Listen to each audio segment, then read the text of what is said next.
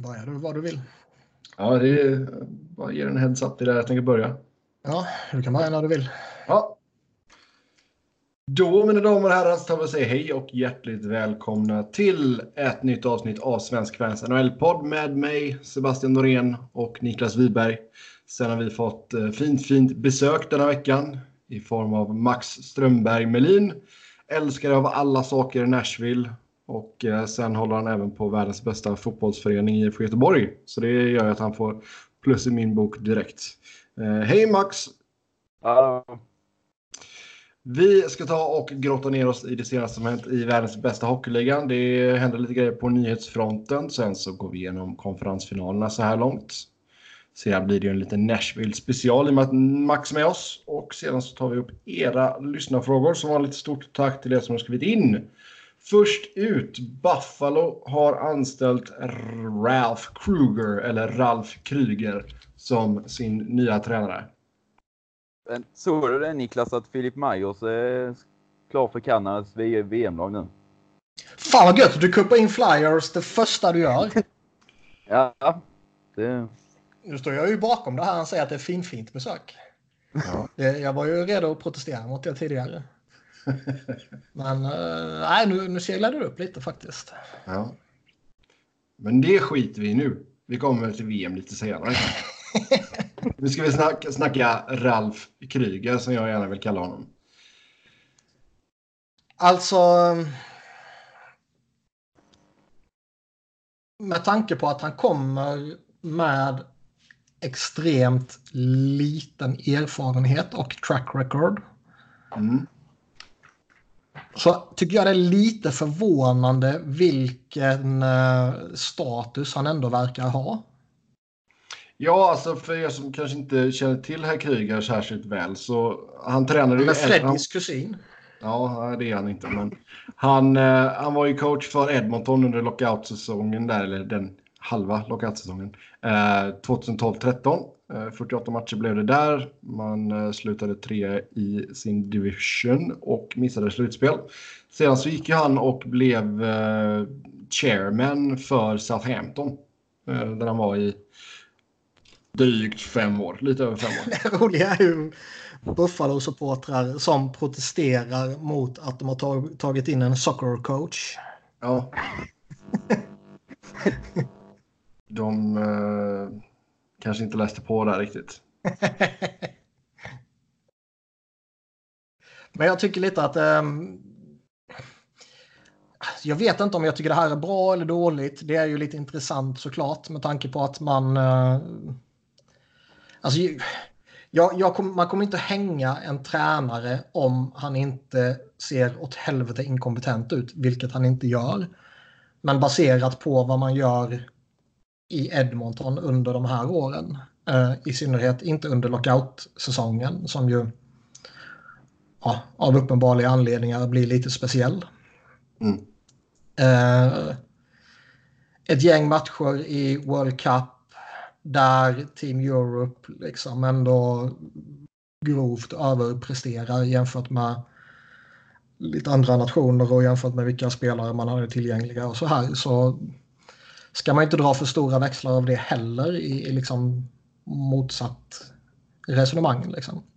Nej, och sen alltså var ju länge med det schweiziska landslaget också. Ja, och där gjorde ju han ett gott jobb och där har han ju arbetat upp ett, ett gott rykte. Men eh, Men sen spel... Om man kollar på World Cup, då var det ju inte ett spel som under längre tid kommer ge framgång. Det var ju Nej. ett cup... Alltså cup... Om man ska se det så med kontringar, väldigt eh, låg corsi, alltid inget puckinnehav. Så då är frågan om man kan bygga ett spel där du själva driver spelet över tid. Det är jag... Edmonton var ju också så kort sample så det vet man inte. Så det är väl där frågan är om man kan bygga ett spel på där de för spelet och inte som i World Cup för lite, alltså kontra och ta tillvara på misstag. För det kommer inte komma en hel säsong med att kunna klara av. nej. Och det, det var mycket snack om att de ville ha en, en coach med erfarenhet. Att de inte ville ha någon som inte har varit med i det tidigare. Och om det här är definitionen av erfarenhet så är det ju i mitt tycke egentligen skitsamma om du har coachat i NHL tidigare eller inte. Ja, herregud. Alltså en säsong är ju ingenting. En halv säsong. Visst. Alltså det var ju snack om att Grönborg, Grönborg kanske skulle vara på tapeten i Buffalo. Jag menar, i ett sånt läge så... Som sagt, då vet jag Visst, nu har han två säsonger som assisterande coach bakom sig också. Ja, Han har, han har ju rutin från alltså, NHL och så och annat coaching. Men det är ändå, nu tar de ju en tränare återigen som de gjorde innan med Housley som inte har varit huvudtränare under längre tid i NHL. Mm. Det kan ju vara etablerad coach men ändå inte etablerad som huvudtränare i NHL. Housley hade ju hur gott eh, renommé som helst i Nashville och sen visade det sig att det inte var så bra när han tog över som huvudcoach. Det är ju, Mm. Nej, alltså det är, det är ju spännande. Visst, det är väl kul att få se någon... eh, ja, han är ju en så hyfsat färsk i NHL-sammanhang som vi säger här och bara en halv säsong som headcoach innan. Men det som förvånar mig lite var ju alltså ett treårskontrakt som enligt rapporter då ska landa strax under 12 miljoner dollar. Så drygt 4 miljoner dollar om året. Babcocks kontrakt satte ju... Det är ju där alltså lönehöjning för coacherna kom. Nu får ju nästan alla som skriver nya kontrakt väldigt mycket högre än innan. När han Mm. skrev sitt 6 miljoner på. Man kan väl tänka sig också att han eh, har nog, eh, kommer nog från en hygglig ersättning ändå i Southampton. I Ja, där tjänar han nog bra. P-lag som ändå är relativt framgångsrika. För vad de är. Liksom. Ja, alltså de är ju bra på att sälja spelare, så de har Ja. pengar. Ja. Eh, det bör väl rimligtvis påverka en förhandling också. Oavsett om det jobbet inte har något med det jobbet man förhandlar om att göra. Men är det inte rimligt ändå att en coach tjänar typ så bra som dina bästa spelare? Jo, Alltså rent logiskt sett. Man ser ju hela tiden när löner på coach kommer ut att många blir förbryllade. Men en coach är ändå större del i mångt och mycket än en spelare i sig. På så Ja. sätt så, så är det ju rent logiskt att en coach tjänar väldigt mycket. Alltså i alla fall övre delen av vad mycket av spelarna tjänar. nej jag håller med. Och jag menar det, det kan ändå bli... Det känns lite konstigt ibland när man har en coach som tjänar en miljon och som ska styra över stjärnor som tjänar 11. liksom, ja. Ja, Mm. jo, det är helt sant. Jag vet inte, det alltså, det känns bara så. Det är väl rent logiskt att coachernas löner höjs och höjs. Ja. Ja. Sen är det ju frågan hur många klubbar som är coachdrivna och många som är spelardrivna och om det är headcoachen som var det eller om det är assisterande. Det är ju med en fråga med ändå headcoachen som är huvudet ut och så ska han väl tjäna mest även om kanske inte han som är drivande. Mm. Mm. Nu ser man väl också lite här att eh, lönerna för GMs kanske eh, går upp lite också. Med Hollands. Holland är fem gånger fem ungefär. Ja. Och eh, som någon quote som hade... I Ja, exakt. Det var ju någon quote som hade kommit ut att eh, någon GM hade sagt att jag ser fram emot att handla med, förhandla med min ägare om att jag är 50% bättre. Eller alltså att jag är 50% av Ken Holland. Ja. Att man då ska upp i lön liksom. Jo, men det kan jag väl också köpa att, att GM ska upp i lön också. Det, det är väl ganska logiskt i och för sig. Det är Mm. ju inte, ingenting som påverkar capen som tur är. Det är väl rimligt att betala 10 miljoner dollar för en GM som är kompetent. Du får ju än att betala 2 miljoner för någon som inte är kompetent och då får ett vinnande lag och en framgångsrik eh, franchise. Jo, ja. Men det är konstigt att det tänket inte så etablerat som det borde vara. Jag tror det är lite, alltså jag tror det är en större pengafråga än vad man kanske tror. Men lägger du inte hellre 3 miljoner mindre, tar bort en eh, tredje-line-spelare för 3 miljoner och sätter 3 miljoner extra på någon som styr det, som har klart större impact och kan förstöra mer om man inte är kompetent. Jag håller med dig. Eh, jag försöker inte argumentera emot dig så tillvida att jag tror på motargumenten. Liksom.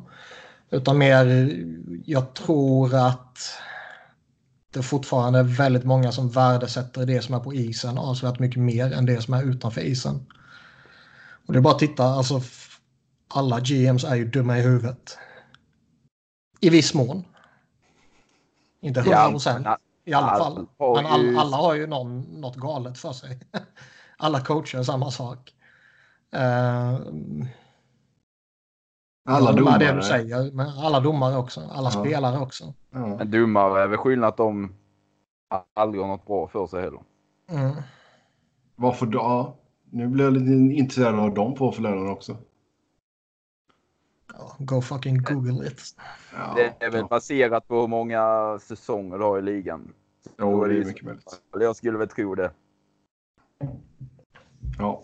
Yes, vi får se vad uh, Ralphie Ralph hittar på i Buffalo helt enkelt. Hur han kommer överens med sin, uh, ja vad ska man säga, co-coach och, uh, co och GM-boss uh, Jack Eichel.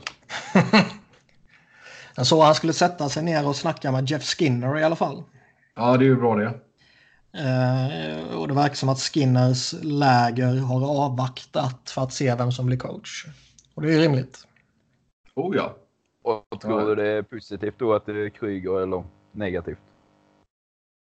Jag vet fan. Alltså han verkar ju ha... Alltså komma med jätterespekt med sig. Och är det för att han är en väldigt kompetent snubbe som i hockey, den innersta hockeysfären med 10-12 år i, i Schweiz och sen lite i NHL och kring lite, lite övriga landslag har liksom skapat sig ett väldigt fint rykte? Eller är det en trevlig skit som är kompis med alla? Ja. Det funkar ja, ju på det sättet också. Ja, vissa, värld, vissa spelare värdesätter väl mer att det är en players coach än att ja. han kanske är kompetent. Ja. Um, men jag vet inte, det här är ju alltså det är alltid spännande när man tar in något nytt. Och det här är ju i princip något nytt. Med tanke på att han har så jättelite erfarenhet tidigare att blicka tillbaka på vad han har gjort. Liksom. Mm. Alltså det verkar ju vara en skön prick. Som sagt, det ju, så gick väl någon story här på Twitter om att han hade typ gått satt sig på någon bar i Buffalo och bara snackat hockey med några fans typ. Ehm, så vi får väl se hur det, hur det slår ut där helt enkelt. Men eh, Buffalo är ju desperata efter att ta det där sista klivet och börja utmana om en slutspelsplats på riktigt. Nästa punkt på listan här över nyheter. Ryan Kessler här gjorde en omfattande höftoperation som eh, gör att han sannolikt missar hela säsongen 2019-2020. Men att han eventuellt kan spela vidare efter det. Det här var ju vad det känns som liksom det här eh, den här öppningen de öppnar att han eh, kanske kan hoppas spela så småningom är liksom en, en förberedelse på att nu ska vi long term injured reserva honom karriären ut. Och då ja, så säger man så här så alltså. låter det lite bättre. Jo, det är klart. Alltså, sen vet man ju inte om vad det är exakt vad han har gjort. Han kanske har fått ny höftkula och allt möjligt liksom. Men det har ju spekulerats rätt saftigt om honom tidigare också. Jo. Så eh, ja, det är väl inte, väl inte hela världen då ifall han uh, går på long term injury reserve rest, resten, resten av kontraktet. Uh, det kan ju vara det hur det funkar med alltså, försäkring och uh, kontrakt och hela det här köret. Eftersom Anaheim är ett budgetlag. Ja, den interna budgeten absolut. Men jag tror den, eh, även om du säger att du sparar in, eh, nu ska, ska, inte jag påstå att jag vet exakt hur det funkar med NHL-lag sjukförsäkring och sådana grejer. Men säg att de sparar in fyra mille på honom i alla fall. Ja, nej, det gör ju någonting. Så känns det ju som att du kan få en bättre spelare för fyra miljoner än den Ryan Kessler var förra säsongen. Ja, jag tänkte säga det att problemet, det är ju inte bara problem med kontraktet man. det är att han knappt är en NHL-spelare. Jo. Som vissa av dem med dåliga kontrakt är ju ändå det kontraktet som gör att man vill bli av med dem. Men att ändå är NHL-spelare. Ja. Han är ju knappt ens alltså en NHL-spelare om man bara skulle kolla på prestation på isen och tänka bort kontrakt och allt. Nej, exakt. Jag menar, vi har ju snackat om det i tidigare program också. Att det, det känns ju som att det är mycket större sannolikhet att Corey Perry på något sätt skulle kunna hitta tillbaka till en hygglig nivå och göra sina... Eh, alltså en helt okej målskörd. Men eh, Ryan Kessler känns ju helt slut. Och det är väl inte så jävla konstigt om han har lirat med pajad höft liksom. Nej, inte det minsta. Nej. Yes, sen har vi eh, nya rykten om Jared Spurgeon. Vad är det som går på ryktesvägen där, Niklas? Det är väl inget, inget nytt mer än att det återigen pratas om honom. Att det var väl Elliot Friedman har jag för mig som återigen slänger ut hans namn. Och om han slänger ut hans namn för att han hör att trade-snacket blir mer och mer ju fler lag som blir utslagna. Eller om det bara är så att han behövde fylla på med en punkt till i, för att nå 31 punkter. Så återanvänder han något gammalt. Ja. Nej, men det är väl ganska logiskt. Alltså, han klev in på sista året på kontraktet. Strax under 5,2 miljoner capita. Är 29 år fyllda. Fyller 30 i november. Och ja. Det känns ju inte som att han kommer bli mycket mer än det han är just nu i alla fall. Nej, Nej, men det men han det är är ju- nu är väldigt bra. Ja. Bra. Det är ju en högst kompetent topp 4-back back med uppsida i powerplay. Jo. För 5,2 är det ju ändå... Jo, men det är, ju, det, det, är, det är ju det nästa kontraktet som är... Ja, men det är ju om någon tradar som en rental redan nu i sommar. Har Ja. han hela säsongen. Typ som med Karlsson nu. Mm. Jo, det är helt sant.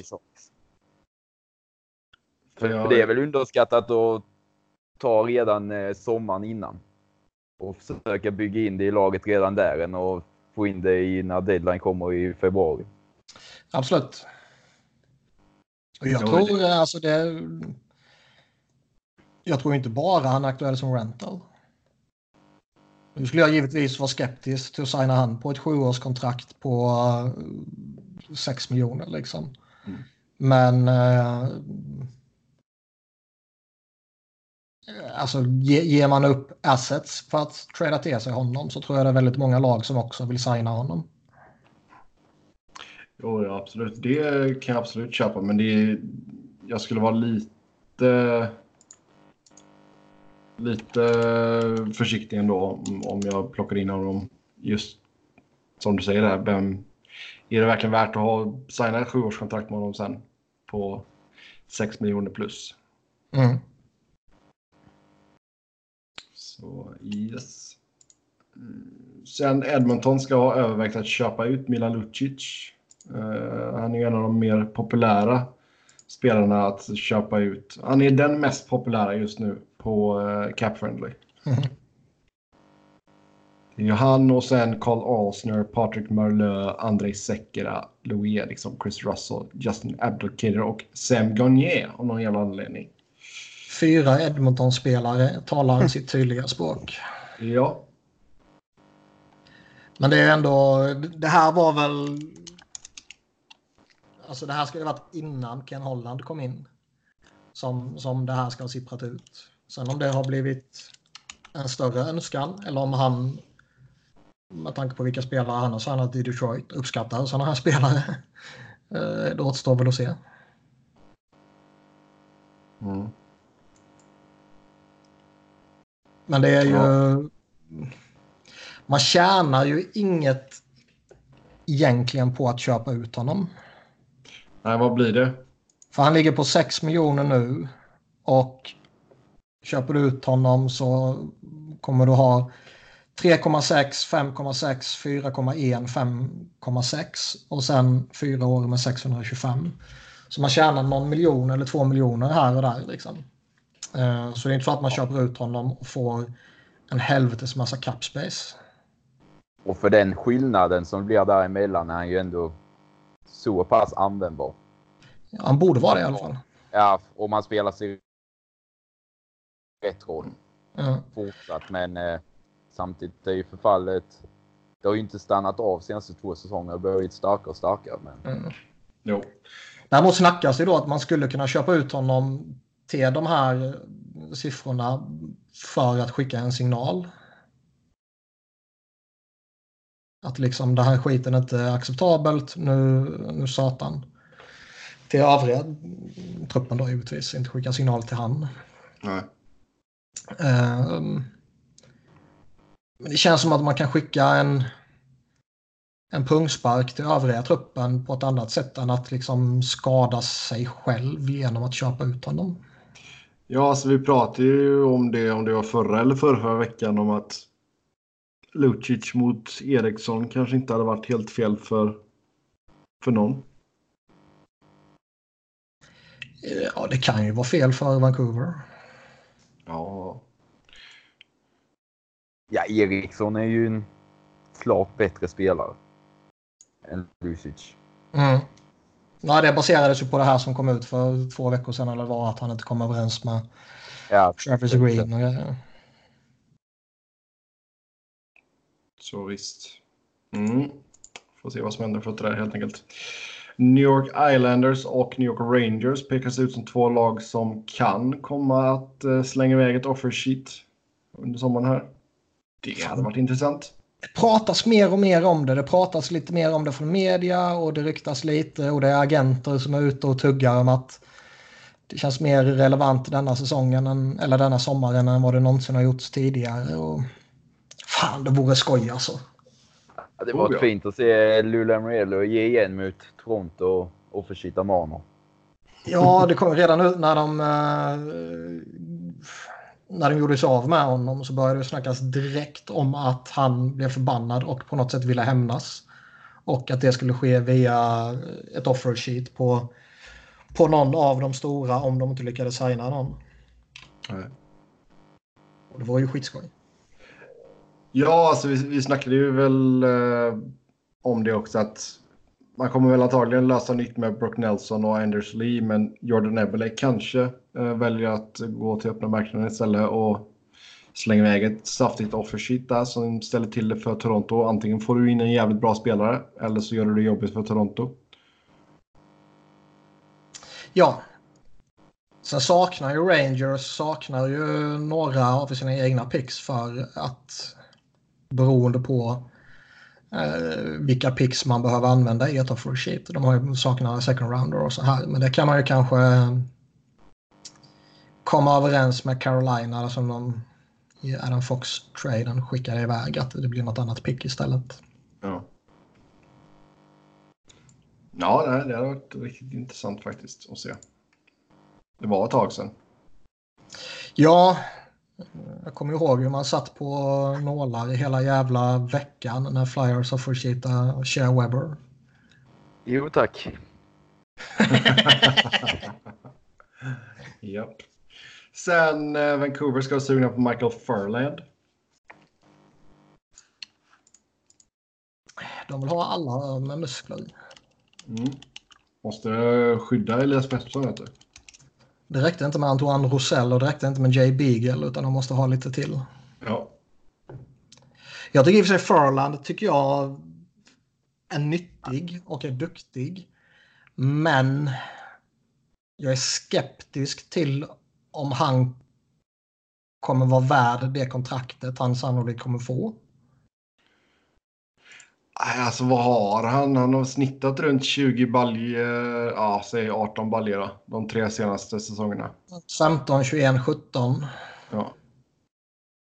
Eh, Två raka säsonger med 40 poäng eller 41 och 40. Mm.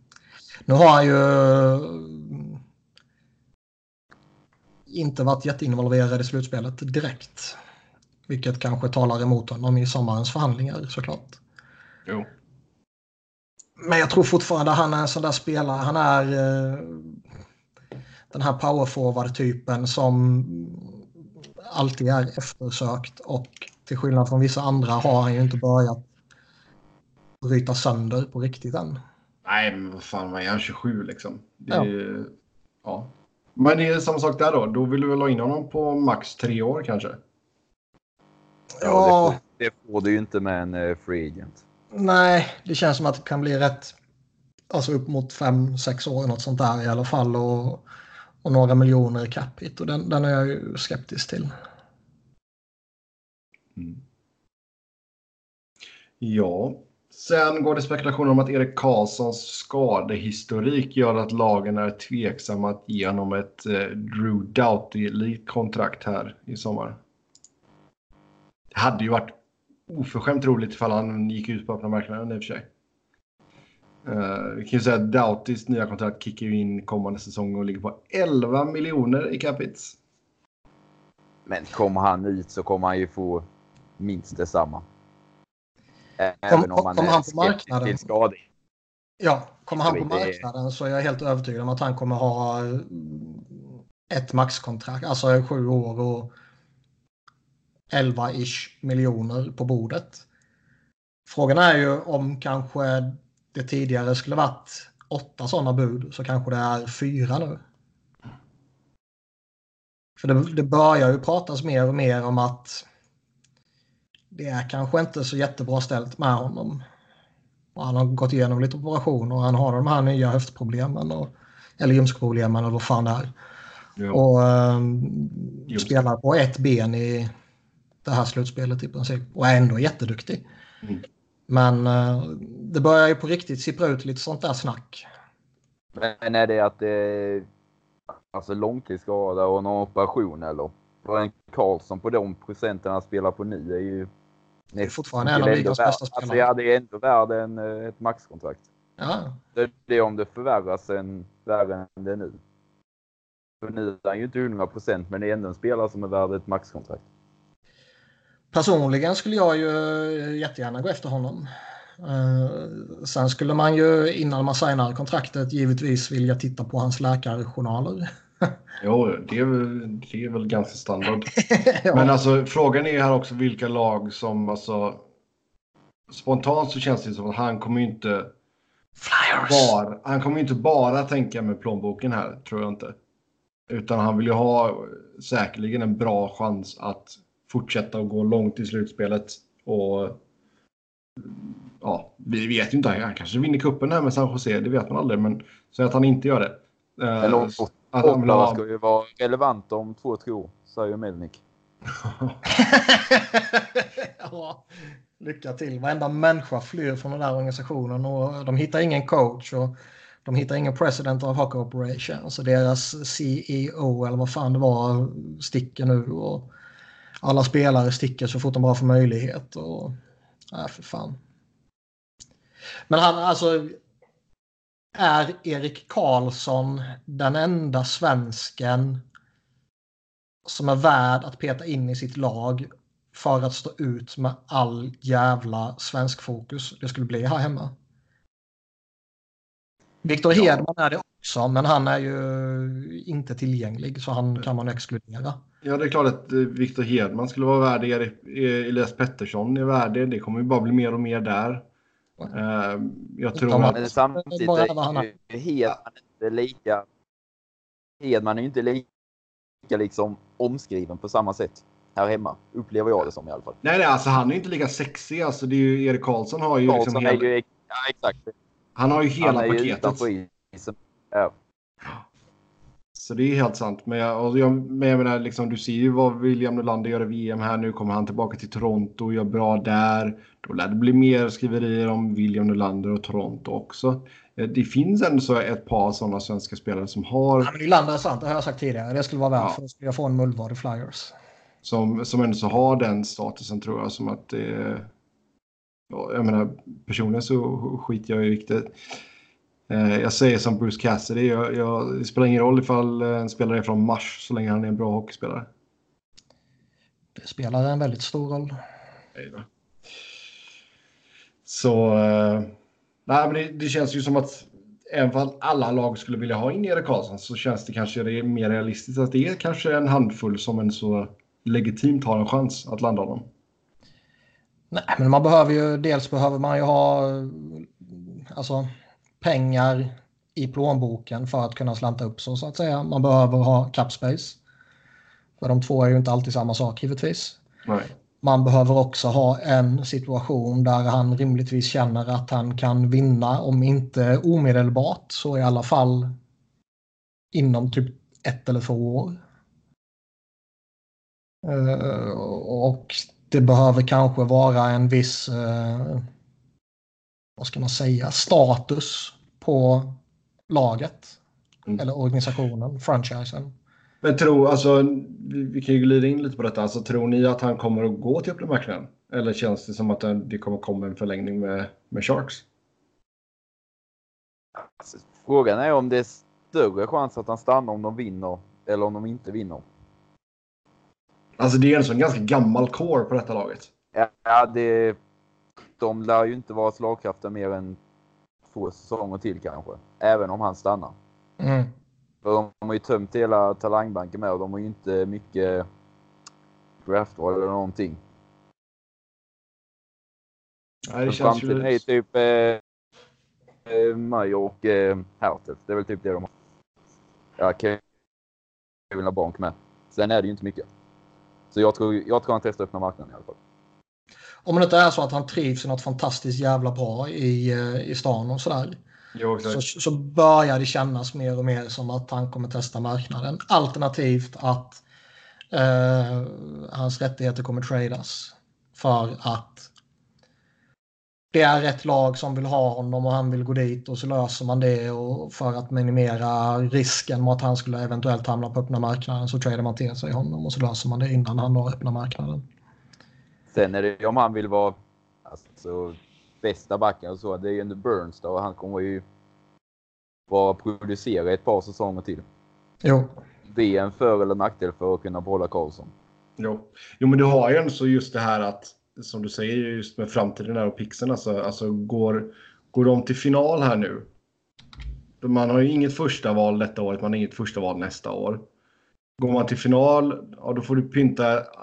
Man har inget andra val i år heller. Går du till final, då måste du pynta ett andra val till, eh, till Detroit för Nyqvist. Um, går man till final så blir man även av med första valet 2021. Ja. För Karlsson då. Så, um, mm. Mycket, många sådana här små asterisker här när man kollar på uh, Sharks draftval. Ja, och det, de har ju inte något kvar som de har draftat typ. Skicka något som var typ Brian Merkley. Det är väl typ det. Och det är ju en högst osäker vad det kommer bli av han. Mm. Nej, det är helt, helt sant. Så ja. Sharks kan nog vara ett av de lagen som får försöka fynda lite i Europa och ta in billiga spelare. Det har man ju lyckats bra med innan. Ja, hela, alltså, de Six är ju nästan som de har hämtat. Karlsson, eh, Sörensen, Donskoj. Så det har de varit bra på. Mm. Det känns som att man får fortsätta på det. Men som sagt, det hade varit oerhört spännande ifall Erik Karlsson kom ut på öppna marknaden. Sen eh, spekulationer om hur Vegas får plats under löntaket och att det kommer finnas stort intresse för William Karlsson och Jonathan Marchessault. Ja, det var också Friedman som slängde ut det här. De är ju redan upp mot, mot lönetaket nu för denna säsongen. Mm. Och eh, behöver ju jo. eventuellt göra något då. Går något av dem, alla de tog i expansion draften ut nu eller? Bellemare går ut. Men det kan jag tänka mig, det kanske är en de vill förlänga med. Ja, det... Derek, han... Eng Derek Englands går ut också. Och om inte han ska sluta så känns det som att de nog kommer vilja förlänga med han också.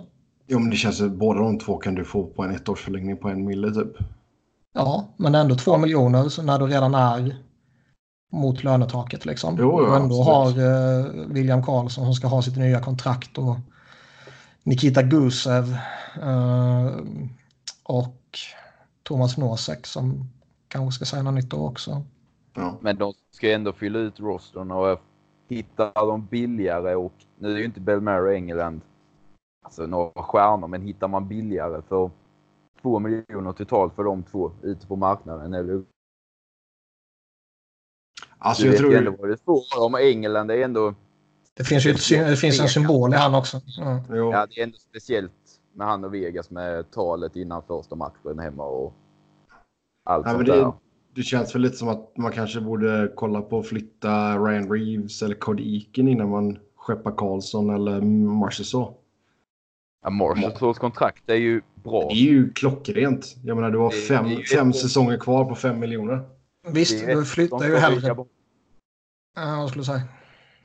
Ja, Marshalls kontrakt är ett som de ska vilja behålla i alla fall. Ja, Det- sen samtidigt, alltså visst, du, du flyttar ju hellre på typ Cody Eakin om det är så. mm, För att det är en sämre spelare. Men du får också ett bättre utbyte för någon annan. Och vi har ju pratat om William Karlsson i 70 avsnitt känns det som. De gjorde ju rätt som bara signade honom på ett år med tanke på att han som alla insåg inte skulle hålla samma nivå som förra säsongen. Ehm, men det känns ju ändå som att han mycket väl kan ha etablerat sig som en klart kompetent andra center. Men ska de trada Marshalls så antingen får de tillbaka en med ett annat hyfsat stort kontrakt. Och annars får de ju ta prospects och draftval. Och deras core är ändå inte superung. Fleury är ju mot slutet. Statsny har ju ändå kommit åren med. Mm. Då är det ju vad det de kan ju inte göra sig yngre och vänta två, tre år genom att skicka Marshall typ, och vänta Nej, nej. på att utbytet ska bli relevant. Nej, nej, så är det ju. Det måste vara en yngre och billigare eh, ersättare till honom i så fall. Ja. Och Det ju minimerar svår. ju förmodligen eh, eventuella möjligheter till en trade. Mm. Ja, alltså du har ju flera spelare som går upp på... Riley Smith borde inte han vara relevant att försöka flytta på. Jo, Av dem, om han räknas som en core-spelare med längre kontrakt så är väl han den jag helst skulle dumpa av dem i alla fall. För Stone, Pacioretty, Statsny och Marshall så är väl givna av vårt bomb. Tycker jag i alla fall. Mm. Ja, ja, alltså där hade jag ju hellre sett då att Smith, Cody Eakin, Ryan Reeves försvinner. Det, för där kan man har fylla på bakifrån tycker jag. Och tack blir jag ändå kvar.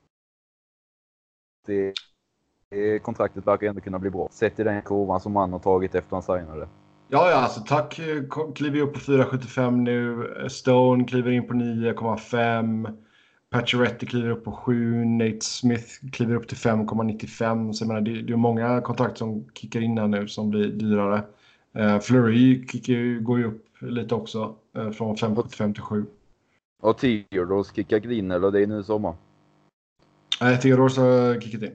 Ja, det var innan den säsongen. Ja. Ja, Ja. så han ligger på 5,- 5,2. Det är väl helt okej. Ehm, kanske att... Typ, alltså det är ju små pengar i det stora hela, men jag menar, ja, Brady McNabb kanske inte ska ha 2,5 liksom. ja, men det finns ändå ganska många sådana i laget som man inte tycker ska ligga på den. Och ett sånt är inget problem, men det finns ju fyra, fem stycken. Jo. Men någon miljon mer än vad de borde ha egentligen. Ja, sen är ju frågan också liksom William Karlsson. Ja, vad, man har ju lite, lite fördel med att han fortfarande är RFA i alla fall. Men hur mycket ska han upp i lön liksom? Men han är ju jättesvår. Och det Ska han upp i lön? Vad sa du? Ska han upp i lön? Fem miljoner är väl Ja, Det känns väl rätt fair. fem miljoner. Typ som Marshalls kontrakt. Ja. Jo visst, spelar ju för 5,25 den här säsongen, kritade på ett ettårskontrakt där då. Eh, Men visst, kör liksom, fem, alltså, man- fem man kan- gånger 5,25. Jag tycker Ja, ändå man kan typ argumentera för att han... Det kanske är nu man ska släppa honom. Ah, det skulle du gjort förra sommaren i så fall. Men ja, varför- kanske. Men, ja, men då, då liksom... Då fanns det ju ändå lite förhoppningar kanske att ja, men tänk om han är på den här nivån. Då kan vi inte släppa honom. Nej, det är klart att det hade sett jättedumt ut för man tradade honom och så gjorde han 50 baller i år liksom. Mm. Men, Men Visst, varför- den möjligheten Ja. finns ju nu också, men det känns som att den har sjunkit. mm. Vad får du hand då. Det är ju, för andra lag kommer ju vara minst lika osäkra som dem. Ja, det är just det. Och sen det, är inte... inte... Det är inte kemin med Marshall och Smith. Där har de roterat lite, men ändå. Det är ju, han har ju inte visat sig producera i en annan omgivning i den utsträckningen. Nej. Och det är kanske är den kedjan som, som driver om han i sig. Nej, det är lite av ett unikum faktiskt. Så ja, där har Golden Knights nya GM något att tugga på. Um, mm, VM då? Niklas, hat. Niklas hatar turneringen. Den är tråkig. Tycker den är skittråkig. Ja, men du är ju också en glädjedödare. ja, det är jag. Ja. Men Det är här fanns jättekul ingen med glädje VM. att döda. I VM finns ju ingen glädje att döda, så då är han ju ingen glädjedödare. Alltså jag var ändå lite förhoppningsfull nu med tanke på att det, den ligger lite senare eh, än tidigare år och det är lite fler stjärnor med i ett tidigt skede. Dels för att den ligger senare, dels för att det har varit eh, sjuhelvetes många skrällar i, i, i NHL. Jag, nej, jag pallar inte med skiten. Jag har ju fått några skrällar här i VM också. Ja, alltså grejen är att jag tycker det, det finns flera roliga spelare som har varit framträdande. Eh, Liksom Capo Kakko, det är intressant att följa honom och Nylander är rolig att titta på. De Brinkat har gjort några baljer och ryssarna är ju superunderhållande. Liksom. Och det har varit skrällar och det har varit målkalas och det har varit eh, dramatiska matcher mellan, eller med, kring de stora lagen och så här. Men jag tycker ändå att det är, för helvete vad det är tråkigt. Ja, men jag tror för gemene man så är VM fortfarande någonting roligt. Så låt dem ha det nu, Niklas. Varför det? Nej men det fattar jag också Ja, men Det det är bara att titta på vilket publikkalas det är och det verkar vara jätteskoj för de som är där. Och... Men jag tänker ju på vad jag själv tycker. Jag Jo. skiter ju i dem liksom. Det förstår Och för, jag. och för de som gillar hockey är det verkligen... Okej, nu är det skillnad på de som är intresserade av bara gemene man som kollar på Sverige, men är det verkligen VM-turnering som ändå VM är det som folk runt om tänker, är detta då det sporten ska visa upp? Att det blir 10-0, att stjärnor tackar nej här och där. Det sänder ju ett budskap om att hockeyn kanske inte är så stor. Ja. På något sätt. Nej, Ja, jag att VM ändå är det som lockar, lockar folk av, till intresse. Så kanske VM ska vara något som alla ställer upp på att det ska vara dramatiskt allting hela tiden. Ja, alltså jag tror turneringen hade ju fått en annan eh, mening ifall man inte körde det samtidigt som NHL-slutspelet och om man inte kör det varje år. Samtidigt så är det väl lite av en, en kassako för eh, internationella hockeyförbundet också. Så det, De kommer aldrig lägga ner mästerskap. det känns inte som det. Nej, det, det, det kommer inte ske. De kommer ju inte införa vartannat år eller var fjärde år eller vad det nu skulle kunna vara. Liksom. Det, det ser jag inte. Eh, och rent praktiskt så ser jag ju inte riktigt heller var man ska kunna lägga ett VM. Utöver under NHL-säsongen. Alltså det är ju Man kan, inte lägga det, man kan ju inte lägga den när alltså, Stanley Cup-slutspelet är slut. Du skulle ju kunna lägga det innan säsongen, lägga det i typ september. Ja, och du Ja, såg det hur såg vi med World Cup. World Cup. Ja. Ja. Det var det tråkigaste skiten jag har sett någonsin. Då tittar jag hellre på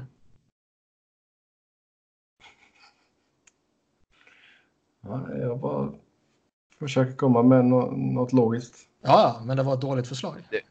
Det finns inget logiskt för att få in det för NHL är ändå det som man vill se och läggs under NHL-säsongen så man bara vill blicka mot NHL-säsong och det är liksom då blir det en jädra debatt där som i OS och allting om NHL vill släppa spela mitt under säsongen. Ja, och att det bara är NHL och basket som håller igång så det är lättare att få tv-tid och bla bla bla. Jo, det kan jag köpa att de kanske inte vill ta ett något jäkla uppehåll mitt i säsongen liksom.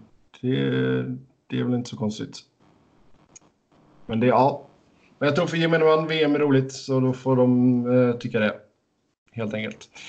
Ja, det får de tycka, men de tycker ju fel. Ja, enligt dig så tycker de fel, men samtidigt så är det många som tycker att du bara är negativ också. Så det, det var det. Smaken är som baken, delad.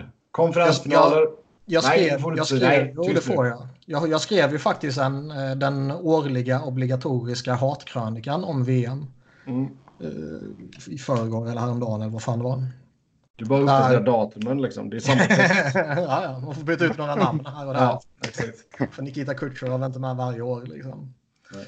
Men eh, dels hatar man på VM och man gnäller lite så här och bla bla bla. Och sen så påpekar man att man skiter i hur det går för Sverige. Och där brukar man alltid få massa hat för det. Men nu var typ nästan alla höll med mig den här gången. Det var lite tråkigt. Ja, men du får ju sluta sålla kommentarerna och bara godkänna dem som håller med dig. Du, du vet. Nej, det är ju jag min eh, som alla brukar mobba mig för, men att man aldrig håller på Sverige i mästerskap. När man bor i Sverige, för man kan inte på en sändning, ja, det kanske man inte kan ändå, men för det är ju bara snack om Sverige. Om det är en semifinal med Kanada och Ryssland så har de intervju med Leo Eriksson i fem minuter. För ska Sverige aldrig vara med i mästerskap när man bor i Sverige, för det är totalt helt omöjligt att kolla på. Mm. Ja, jag håller med. Ja, men det är väl sen är det är också en sån grej. Nu är det ju tillbaka på SVT också, så det gör ju att det lär ju vara många fler som tittar hemma också. Uh, via, via Play kör ju sitt race också. Jag tror... Fast Har- har- som Har, jag- har och Granqvist kommenterat varenda jävla match hittills eller? Ja, de har kommenterat alla i eh, Sveriges grupp i den arenan. Det är ju helt sanslöst. Det, det ska de fan ha en eloge för, den arbetsviljan alltså. Varför det? Man fyller åtta timmar per dag. Ja, tänk, ja. Det är ganska mycket ändå att sitta och, och kommentera. Ja, Så men det, vadå? Det är en arbetsdag. jo, ja. Det är inte så att de jobbar dygnet runt. Nej, det lär de väl inte göra. Men det där med SVT är liksom, jag, när SVT sänder idrott så gäller ju andra regler. De måste ju ta hänsyn till alla. De måste göra program för alla. Ja, ja. Eh, men det känns som, liksom som att alla kommer ju inte sitta och titta på alla matcher. Jag, jag kan någonstans ha förståelse för var man lägger nivån när det är Sveriges matcher, när det går i SVT. För då kommer man kanske få tittare i, i relativt stor omfattning som inte ens är liksom gemene man utan som bara tittar på tre hockeymatcher per säsong. Mm. Och då kanske man måste lägga nivån för att alla ska kunna titta när det är SVT. Det, det köper jag liksom. Men man behöver inte göra det varenda jävla sändning. Nej, alltså där gäller det väl att ha lite fingertoppkänsla. Men, men som du säger, det, ju- det blir ju en unik situation också just när det är på SVT och du har så pass många då som inte är, kanske är vana hockeytittare. Sen är det klart att det, det kan vara asfrustrerande för de som är sjukt insatta att det liksom inte ger dem någonting. Det kan man väl köpa också. Det är ju en Ja, så men jäkla svår balansgång Det är som Niklas säger, när, det är typ som nu Ryssland Italien. Då kan du höja liksom kompetensnivån lite på hur du lägger upp snacket och detaljer och allting. Eftersom att det inte är någon, de som inte är hockeyintresserade sitter ju inte och kollar på den matchen. Nej. Så det är ju att anpassa sig till vilka som kollar. Mm. Yes. Vi eh, kliver vidare och eh, ska köta om eh, konferensfinalerna. Boston är på gränsen här att ta sig till final. Man leder 3-0 i matchen mot Carolina. Och, ja, nu är man ytterst nära. Senaste finalen var 2013. Mycket obehagligt. Ja, alltså, det, det är ju intressant på så sätt att jag tycker man har fått bra, bra spel från samtliga fyra kedjor. Marchand kommer verkligen under skinnet på Justin Williams i den här serien. Och nu har Tuka Rask börjat spela jävligt bra också. Visst, han, det målet han släppte i match tre kanske inte var jättebra. Det vill han ju ha tillbaka. Men trots det så gjorde han en så fan Alltså- det, 35 räddningar och Jag menar, den första perioden som Carolina hade med 20 skott på mål. Ja, nej, nej. men alltså allt är ju upplagt för Boston. Och det är alltså det här med att det är massa jävla skrällar i, i första rundan och Tampa faller bort och Caps föll bort och Pittsburgh föll bort och man slog själv ut Toronto liksom. Att alla de här jävla skrällarna plus lite då som hände i, i, på västra sidan också. Eh, att det bara ska gynna Boston är ju så jävla blä.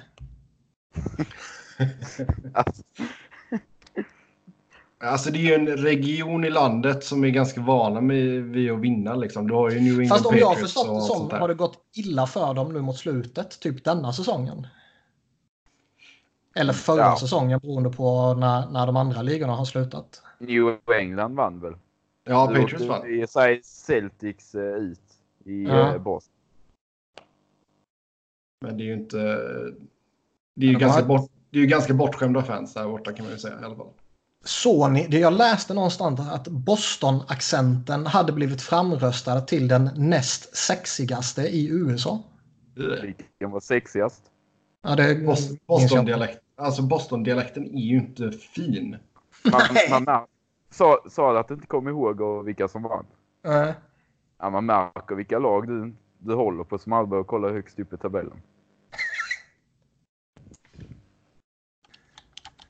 ja. Ja, det, sen är det ju... Ja, att det kallas för... Det är ju... Ehm, mm, mm, mm. Jag gillar inte att de kallar det för accent, för det ska väl egentligen vara dialekt. Men uh, ja. Ska vi se här. Då ska vi se. Texas alltså. ja, men den kan jag köpa. Jag har ingen aning om dialekter. Det, I Sverige kan jag men... Eh, ja. Texas är säkert jättefin. Men ehm, jag tycker Boston ser riktigt jävla farliga ut liksom. Uh, jag tror de kommer eh, vifta undan Carolina här nu. Kanske inte blir fyra matcher, men fem i alla fall liksom. Det blir ett gentleman sweep. Vinner med 4-1. Typ. Ehm, och sen tror jag Blues Sharks, det kommer bli Game 7 och de kommer slita ut varandra. Och sen kommer Boston få slicka såren och sen bara gå ut och förstöra för oss alla.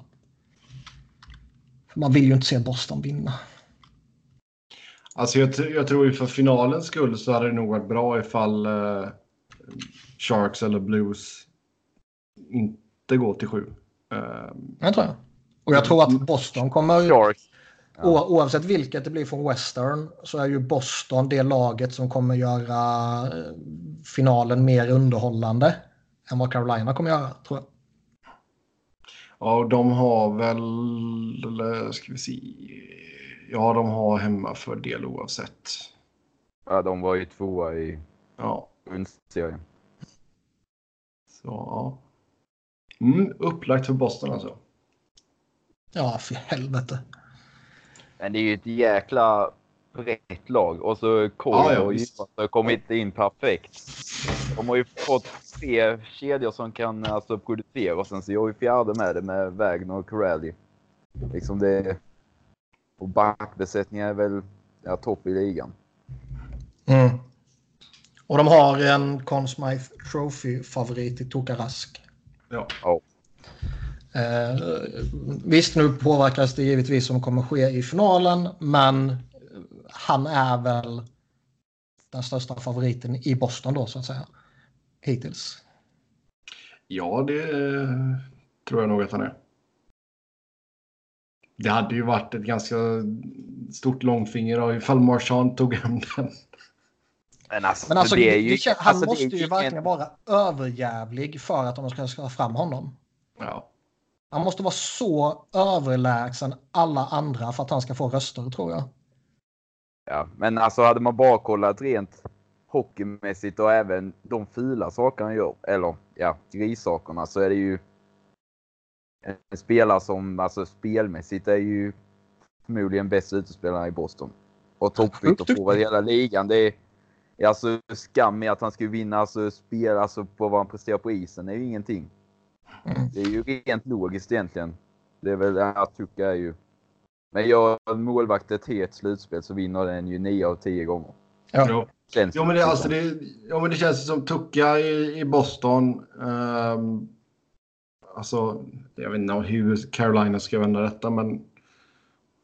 ja, Säg att man på något, på något jävla vänster skulle göra det. Ja, då är det väl typ Slavin. Uh, San Jose, Logan Couture. Och, Hertel. eh, vad sa du? Hertel.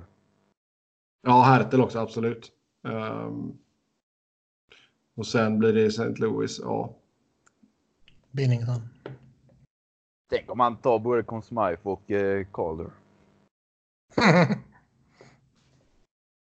Men slaktar man Hamilton om man vinner eller när man förlorar? Eller blir utslagna alltså? Grisen, inte Doggy. Jaha, ja, du tänker att det blir, du tänker att det blir barbecuefest i, Ja. i Raleigh alltså? Ja. Nej, jag tror han får nog leva tills han dör av gammal ålder, tror jag. Sen blir han, sen blir han en, eh, en barbecuefest. Skulle man slaktat honom om man skulle vinna kuppen? Han skulle för fasen vara i eh, bucklan när han kör runt på isen. ja. Ja, men, Så ja. istället, jag menar inte att de ska slakta honom på isen. ja, det är som, som, så kysser de grisen. ja, vi har ju haft vissa, vad är det, några vissa afrikanska fotbollsländer som har slaktat get, getter och grejer på, på plan. Och, så, men, ja. Jag tror inte att slakta en gris på isen hade gått hem riktigt. Det hade ändå varit mäktigt att se. Oh ja. Vilket jävla ramaskri det hade blivit. De, undrar om eh, Don Cherry hade ju hyllat det. Han är ändå lite old school. Det är ändå old school att slakta djur liksom. Så. Ja. Eller det är ju ganska inne just nu också men. Ja, nej, jag tror eh, då hade nog många djurrättsaktivister fått eh, krupp alltså. Då blir det Men- en bunch of kicks istället. Ja, ja herregud. Ehm, men visst, det känns väl som att eh, Carolina bara är... Ja, de är ett steg efter hela tiden här. Jag tycker det har visat sig lite här nu ändå att Um, alltså, det, är inte, det är inte så att de inte är värdiga att vara där för slår man ut Caps och sen sveper Islanders så kan man ju inte påstå att de är ovärdiga liksom. Men det känns ändå som att de är på en nivå där de kanske inte riktigt hör hemma på något sätt. Jo, jag menar det är fortfarande ett lag ut, alltså, under utveckling. Alltså, jag tror, alltså, även om man skulle ryka i fyra matcher här nu så skulle inte Carolina-fansen gå och deppa ihop för mycket. Visst, det är klart att det suger att åka ut på det sättet i en konferensfinal, men det, är- det är ändå så ett lag som har framtiden framför sig. Eh, och det är ju lätt att säga när det inte är ens eget lag såklart. Jag hade ju själv blivit asförbannad, men det, det de har gjort är redan sjukt imponerande. Och eh, det är ett lag som bör bara bli bättre. Medan det känns som att Boston, detta är ju... Detta kanske är den sista liksom, kraftansträngningen vi får se av deras core. Alltså man kommer säkert vara slagkraftiga, men det är ju inte så att jag ser dem som en given contender nästa säsong direkt. Nej, så är det ju. Alltså de har ju en, en core där alla är över 30, somliga är ett par, tre år över 30 och sen har de en spelare som är ett par år över 40. Mm. Som även om han givetvis är sämre nu fortfarande är en del av deras core. Men är det inte lite som eh, med Detroit där att de inte fick upp den eh, mellangenerationen som Detroit sen fick ändå med Nyqvist och Tatar. Mm. Men DeBrusque och Carlo och eh, McAvoy och Pasternak är ändå 10 år yngre än den riktiga kåren. Mm. De liksom 27-28. Ja, nu är ju Coyle och Johansson där, men den liksom generationen finns ju inte där på det sättet. Nej, nej, just det. Det är ju, det är ju mest så att det är ju djup, djupspelare liksom. Ehm, så det, ja. det är lite glapp där, men uh, som sagt, jag tror att det, detta kan nog vara bland det sista vi ser av, av den riktiga kåren så att säga. Sen... Alltså jag tror fortfarande de kommande åren de kommer kunna utmana sådär, men... Eh, jo, men de lär väl knappast få en bättre chans liksom, att vinna de, de, de, Nej, de kommer inte få en bättre chans att vinna nu. När, när varenda favorit har kollapsat i Eastern och eh, det känns fan i mig som att Blues och Sharks verkligen kommer trötta ut varandra. Mm. Ja, och Sharks och beskida de har ju spelat 21 matcher. Ja. Det är... och det är också en åldrande core. Ehm, så ja. Det är sjukt intressant, men Boston har imponerat. Det får man ju ge dem. Usch ja. Yes. Uh, ska vi snacka lite mer om Sharks och Blues. Vad, vad tycker ni om de inledande två matcherna? Tycker det, det är som jag sa tidigare. Det, det känns så jävla jämnt. Mm, Sharks tog i match, match 1 6-3 och sen så kom Blues tillbaka och tog match 2 4-2. Men Blues är ju alltså, även om du är klart bättre än dem i många matcher, du, alltså, du vinner aldrig stort. Alla matcher måste du kriga för att vinna. Och mm. Det är en jäkla jobbig känsla att aldrig liksom kunna känna att du är klart bättre och kunna spela av matchen. Utan hela tiden att de ändå nafsar För jag tycker ju spelmässigt är ju Blues inte så. Sharks är ju... Ja, det var ju även eh, Blues mot... Ja, Winnipeg var väl de jämna med mot Dallas. var ju Dallas klart bättre spelmässigt med. Mm. Men de, alltså de lever ju, lever är väl kanske ett stort ord, men de flyger ju jävligt högt med hjälp av Binnington. Uh, måste man ju ändå säga. Mm. Jag tror inte de skulle varit där de är nu om det inte vore för ett osannolikt bra målvaktsspel av honom. Nej, det där är jag absolut vill hålla med om. Alltså, vi har ju pratat mycket om Jake Allen eh, under säsongens gång. Ja, ja, eller alltså oavsett målvakt syftar väl jag egentligen på. Men bara att om de skulle haft Alltså det, Sharks har ju ändå, de har ändå tagit sig dit där de är med en suspekt målvakt. Som å ena sidan i slutspelet har haft stunder där han har varit ja, nästan usel och nästan sänkt dem. Å andra sidan har haft stunder där han faktiskt spelat upp sig till en relativt vettig nivå. Ja. Uh, och de har, de har,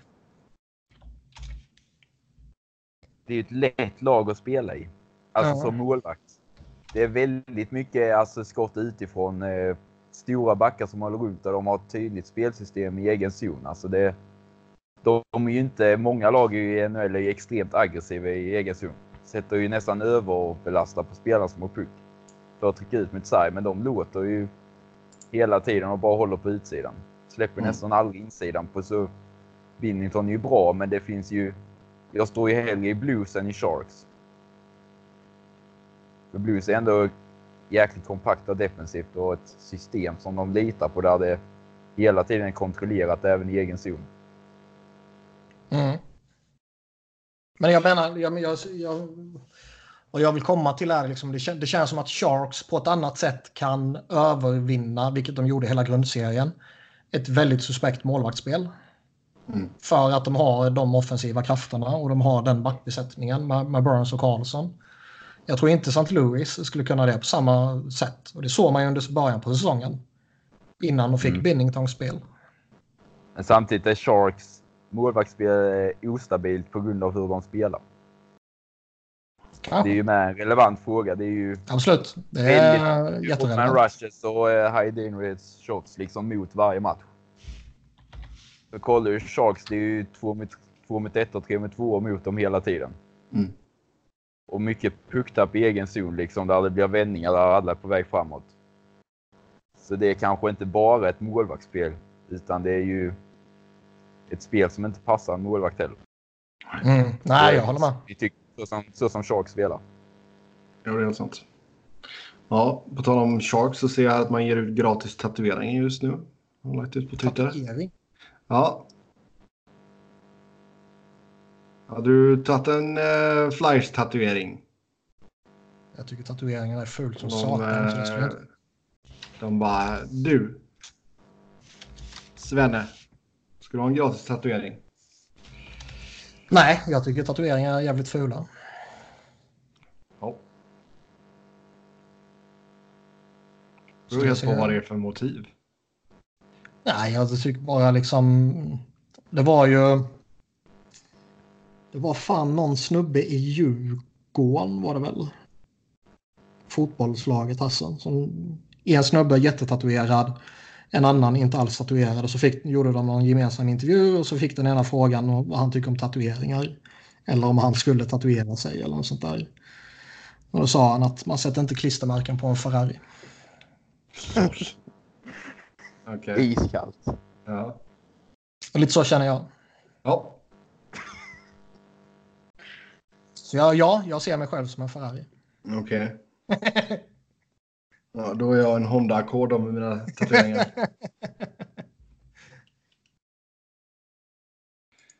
Eh, Men visst, visst, visst, visst, visst. Har något annat vi vill säga om eh, serien mellan Sharks och Blues innan vi går vidare? Behöver inte Blues första kedja kliva ha lite större impact i matcherna? Inte bara poängmässigt utan typ på längre anfall och leda laget spelmässigt också. Mm. Tarasenko är ju nästan iskall, alltså iskall, men det... Han syns ju inte i spelet. Nej, det är fan imponerande Right. att de ändå är i konferensfinal och eh, har gått så pass bra som de har gjort utan att han faktiskt har varit bra på riktigt. Bara han ett eller två mål i 5 mot 5. Mm. Sen fem i powerplay. Så kollar du bara, tar ett mål eller om han har sex i slutspelet, det är ändå en godkänd siffra på 14 eller 15 matcher eller vad de har spelat nu. Men så har han väl inga assist heller. Ja, två Nej. tror jag. Ja. Ja. Och det är ju inga. Så då är det att se det som sparkapital eller om det är nack, alltså en eh, nackdel att inte ha stjärnor som levererar. Ja, alltså när man kommer så pass här långt så går, känner man väl nästan att det går över till att man inte har kommit till... Det är inte sparkapital längre, kan jag tycka. Nej, då är det frågetecken på Ja. om nivån finns där. Mm. Nej, nu är det ju Jaden, alltså, det är ju Jaden Swartz som är eh, bäst där med, vad har han, nio baljor. Ja. Så eh, sätter ju mycket extra press på honom. Peter Angelo har ju skrapat ihop några assist också, tio stycken. Men Peter Angelo är ju inte bra när man ser St. Louis. Alltså om man tar ögontestet. Ja, Det kan se lite virrigt ut ibland. Jag tycker inte han framstår som dålig. Nej men alltså om du kollar rykte och status han har. Jämfört med liksom när du ser han spela. Nej, det håller jag med om. För det är ju ingen back liksom som dikterar eller styr matcher på så sätt som man kan se andra. Nej, det håller jag med han om. tar ju inte tag i en match och liksom kan ta ett uppspel från egen zon och hoppa med i anfallet och etablera tryck eller så. Så hans impact är ju klart mindre än andra. Mm. Ja, ja, det är, ju ingen, det är ju ingen spelare som tar över en match själv som vi har sett Burns och Karlsson kunna göra. Liksom. Det är absolut. Sen är det kanske att han inte är flashig i sin spelstil. För han är ju väldigt liksom originell och inga svåra dragningar och sånt. Mm. Han är Ja, en poor alltså- man's Drew Dowdy. Ja. Kanske det. Ja, det kan ju vara lite flashig ibland i och för sig. Nej. Jo. Bara intervjuer. ja, där är, där är han riktigt bra. Eh, yes. Ja, då tar vi och kör en liten Nashville special här då. Ehm, Max först ut. Allmänt om säsongen och slutspelet i synnerhet. Hur eh, mycket av en, ja, ska vi säga flopp tycker du att det var att man att man rök i, i första rundan? Alltså det är ju en flopp så, men det var ju inte en överraskning. Det, för man gjorde ju, okej, tog 99 poäng och vann. Eh, kanske tuffaste divisionen i NHL Central. Men man fick ju aldrig ett flyt i spelet och aldrig någonting liksom som har liknat tidigare säsongers framgång spelmässigt. Och sen att inte kunna hitta kemi i, ja, det har ju Jofa-kedjan. Men eh, den är så självgående så att inte kunna hitta andra liksom eh, kemi och liknande under en hel säsong. Och det är inte bara denna säsongen, det är ju stora delar eh, tidigare säsonger med. Där man har offensivt sett varit extremt beroende av förstakedjan och backar som producerar. Så där är ju en besvikelse. Den får man väl lägga på eh, Ben Hughes, alltså forwardscoach. Som, ja, han har ju aldrig levererat så. Han vill alltid sätta ihop kedjan. Alla spelare, alltså samma typ av spelare. Typ som Sissons Bunin och spelar nästan alltid tillsammans. Två riviga spelare som inte flashar offensivt. Och så om man är jättetunn andra kedja med Granlund, Smith och tidigare Fiala och typ Turris. Så mm. där att inte kunna hitta ett mönster för att kunna bryta och kanske, det är ju väldigt old school, men att ha någon spelare som banar väg. Men när du ser under 60, 70, 80 grundseriematcher att den filosofin du har snöat in på inte funkar. Att inte liksom, när du ändå skapat en marginal och kunna försöka hitta en annan väg för att få en bredare offensiv som ska prestera. För det är ju ändå alltså en djup och bra forwardsida där kanske någon spetsspelare, i andra känner saknar men det borde ändå kunna produceras poäng från övriga delar av forwardsbesättningen också. Så mm. det är väl klart att en flopp i sig att när man eh, var i final 2017 och vann Presidents förort att göra en medioker grundserie utifrån vad man trodde innan och sen faktiskt vara chanslösa Dallas. Alltså vi har ju pratat nu. Jag är beredd att dra det, dra det så långt som att man var chanslösa. Alltså vi har ju pratat en hel del om Ryan Johansson och uh, Kyle Turris. Uh, det skulle vara intressant att få din syn och Johansson, ja, Johansson hatet, eller ja, hatet, men eh, allt sånt eh, skriver jag in under på. Det är, alltså när man ser eh, Nashville spela så är det ju den kedjan är ju, ja, alla säger ja men det är Forsberg som drar igång den, det är Arvidsson. Det är alltid Johansson. Det är alltid Johansen som drar igång den. Han extremt eh, hög procent i zoningångar i offensiv zon och han, hade extremt mycket points, alltså första assist eller, eller eh, mål. Och hela tiden drivande i spelet. 5 mot 5. Klart bästa forwarden hela tiden. Både på att styra tempot i sitt spel. Som defensivt är han extremt skär hela tiden ytor. Han drar ner tempot spelar genom att hålla ett avstånd som gör att de aldrig får upp tempot. Därav att alltid kan etablera tryck för att andra får kontrollerade zoningångar någonting mot den kedjan. Och Johansen är en första center som kan vinna med. Punkt slut. Fel. Punkt slut. ja, Niklas, du får, du, får, jag... du får lägga ut din syn här på Johansson. Då. Nej, alltså jag... jag, jag, jag tycker, han, jag tycker Max har liksom... Han kommer med solida argument här och, och är väl den i... Eller väl, han är definitivt den i Sverige som tittar mest på Nashville. um, det enda jag ställer mig frågande till är ju hans totalproduktion egentligen. Där jag tycker att ska han liksom komma upp på högsta nivå i, eh, i anseende om man säger så. Så behöver man vara bättre än att ligga kring 60 poäng. Ja, och räknar du en första center som att den eh, för att vara en första center ska producera powerplay. Alltså kontinuerligt. Ja, kollar du 5 mot 5 så är han ju inte långt efter. Ja, okej, tar du McDavid och Crosby så är han ju en bit efter men och McKinnon. Ja, jo, Där han ändå i, han är ändå ett sällskap som är i samma sällskap som eh, högt eh, aktade första center i hela ligan. Och sen är ju som vissa andra av dem inte så endimensionell utan det är ju en spelare som hela tiden gör de man spelar med bättre. Sen är det ju väldigt svåra värden att väga in men klart att produktionen ska ju över för att vara en som, då ska ju på en eh, poäng per match. Mm. Rimligtvis för att man ska vara en som ska rankas som en toppcentrum. Ja, det är lite det jag syftar på. Uh, en duktig center, men en center som inte är bäst, om man säger så. Ja, inte bäst. Och då menar, jag inte, att jag menar bland de bästa, jag menar inte bäst. Ja.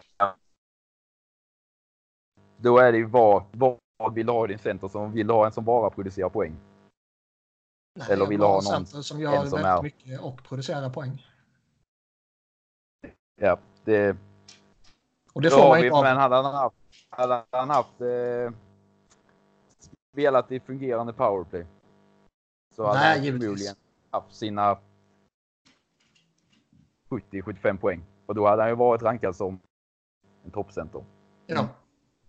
Vad, vad tycker du om Kyle Turris då? Det var, förhoppningen var väl ändå att man skulle få in en ganska solid andra center och ha en ganska bra one-two punch med Johansson och Turris. Ja, där eh, åker ju Tur eller Johansson på den smällen av att man har kollat på de två första centrarna som ska väga upp bara två stycken ja, typ ett B-centrar istället för en riktig, riktig elitcenter. Och då om du kollar, det är ju Turry som är den som inte bidrar med det han ska till att vara den eh, drivande topp 6. För eh, spelmässigt alla eh, siffror, både eh, produktion och underliggande, är ju en spelare som nästintill eh, vem man än spelar med har gjort den omgivningen till att få sämre siffror. Och sen, det är ju, han har ju inte haft det lätt eller de har ju satt han hela tiden med eh, två stycken, alltså bara som spelar hockey och ingenting annat. Jag vet inte om det är den omgivningen som han ska vara i eftersom att han har väldigt mycket utsida, väldigt mycket inte driva på nät, så transatlantiskt avseende, väldigt mycket rullar sargonen. Och därifrån mm. eh, har han inte kunnat eh, omvandla till att få någon som bana. Så Turris är ju, det är ju där problemet är i eh, centerbesättningen. Mm. Ja, om vi tittar... I, I högre utsträckning än Johansson. Ja. Om vi tittar på vad uh, herr Poyle har gjort med uh, trade. Hur tycker vad skulle du ge för betyg på de spelarna som kom in här under säsongen? Hur skötte sig Simmons? ja. Eh, ja, det var Flyers eh, spelare ja, som man ser ut sista ett och ett halvt året kanske. Nästan sämre. Det... Ja, vi fick ju en bättre spelare i Ryan Hartman. Alltså, Simon sa ju att han producerar mål. Men eh, gör han inte det så är ju som du säger Hartman en bättre spelare och Simons producerar ju ingenting och till slut så, ja, det var ju skador och annat med men det, att han bara ges fem matcher i en toppformation innan han petas ner en fjärde kedja, det säger ju ändå någonting om att det inte stämmer på något plan, alltså spelmässigt. Även jag tycker det säger helt... väldigt mycket. Att om du värvar, det var ju ändå en stor värvning på deadline så in han. För Granen var ju alltså mer en hockey-move än en eh, deadline-move. Så eh, mm. Simons var ju riktiga deadline-moven och då att ge den du ska ha för att lyfta ditt lag fem matcher innan han spelas ur och ens får spela över 10 minuter i 5 mot 5 per match säger ju ganska mycket. Och det är under så, en coach som känner honom väl? Där han kanske hade, där han slog igenom och breakade ja. Var ju när det rätt hade han i. Ja. Ja, sen eh, om vi tittar på lagets UFAs då har du ju Simmons, Brian Boyle, Cody McLeod, Zach Rinaldo. Kan man skriva nytt med någon? Alltså, Brian Boyle är väl...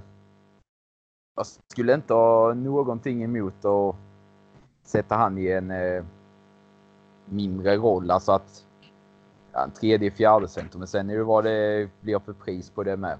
Så han är väl den av dem som jag vill behålla om det är någon. Mm. Simmons, nej. Rinaldo, McLeod eller McLeod, nej. Så det är väl han i så fall.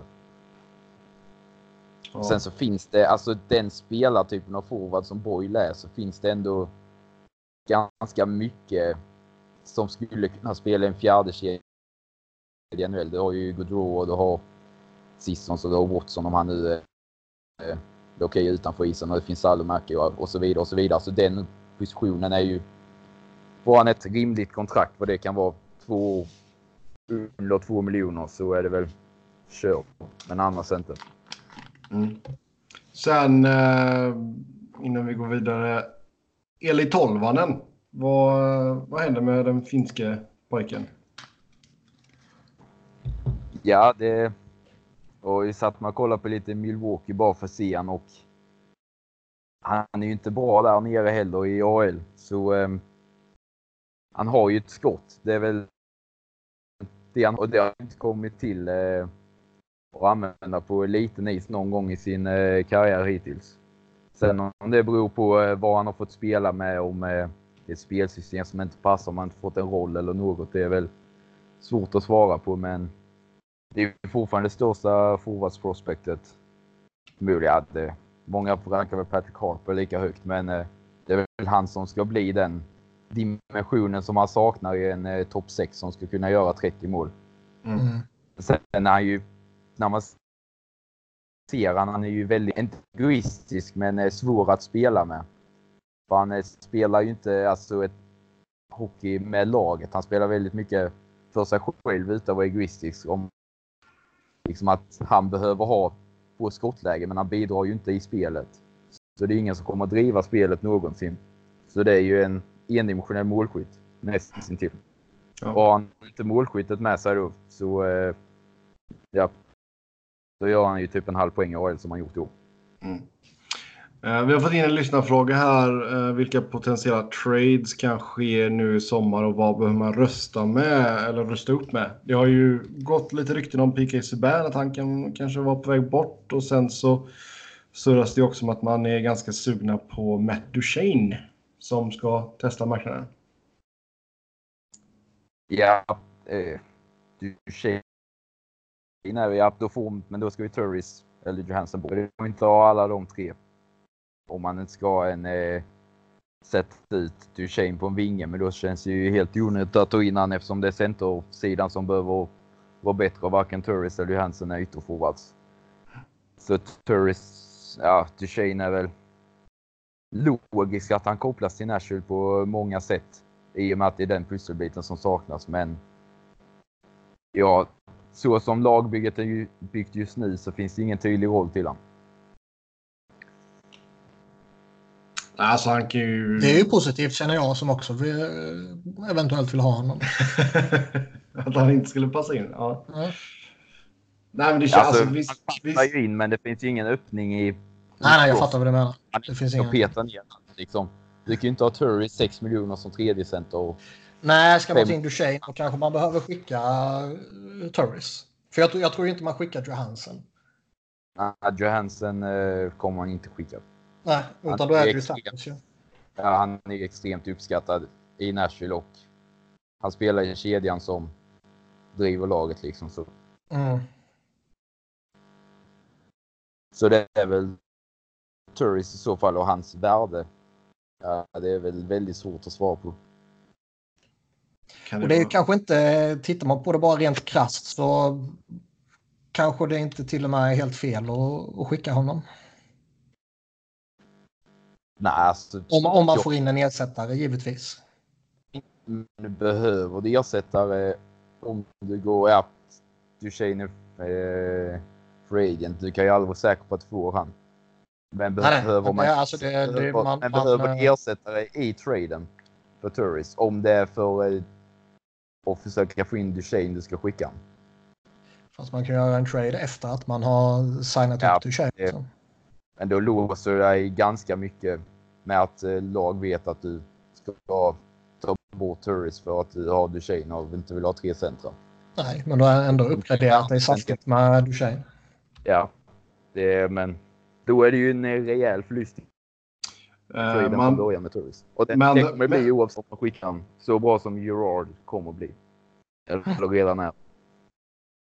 Du, eh, du ringer till Duchene och snackar med honom lite snyggt där under bordet. Som man inte får göra, men som man gör ändå. Och sen eh, skickar du eh, Det är Turris som till... Florida har gjort med Borowski och Panarin. Nej, nej, de är ju bara i Florida på semester, Niklas. Jo, jo. Ja. Eh, så då skickar du Turris till Columbus för eh, Duchenes rättigheter och så kritar man på kontrakt. Jag vet, alltså, det, det man behöver är egentligen någon som kan ta tag i ett powerplay. Det är Granlund lär ju när han får hela säsongen nästa år kunna göra det. För eh, det är ju ganska att försöka gå långt i ett slutspel eller ens i grundserien med powerplay som sämst i grundserien. Noll mål på 15 försök i slutspelet är omöjligt. Mm. Och där finns inget liksom tydligt. Eh, Nashville är väl typ det enda laget man ser i NHL som konstant söker pointen och att den backen ska skjuta där. Det är typ lägst möjligt att göra mål. Ja. högst pointen. Ja, det är helt sant.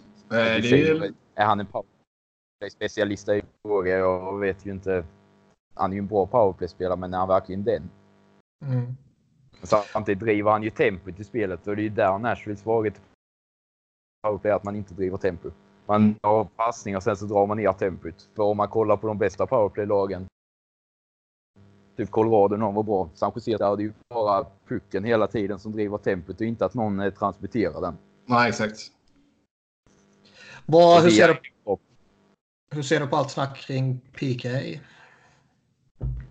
Så det är ju väldigt logiskt. På många det har ju um, sidan där med Pika och Ryan Ellis nu. Och sen så har du ju Josie och Ekon på andra. Och så därför det snackas om Pika är ju för att eh, Fabro finns på samma sida. Mm. Och så, så Fabro var ju efter Josie bästa backen i slutspelet. Det är ju en väldigt liten eh, sample size men samtidigt så du kan ju, ska du få ut någonting av han så kan du inte spela i tredje back på med Hamjus typ på längre sikt. Nej, lite så. Men samtidigt gillar jag inte en trade där du kommer att få den sämre spelaren oavsett vad du gör nästan. Som du kommer att behöva göra med Subban. Mm. Sen, det, Vad, vill, vad vill du ha från Flyers? det säger lite för... Eh, ja, och, ehm, ja, nej, inte... Nej, Euro är för gammal. Ja, Han vinner han man. inte få. Ja, men typ eh, Morgan Frost eh, och Det, ehm, om man går på lite vad det spekuleras om.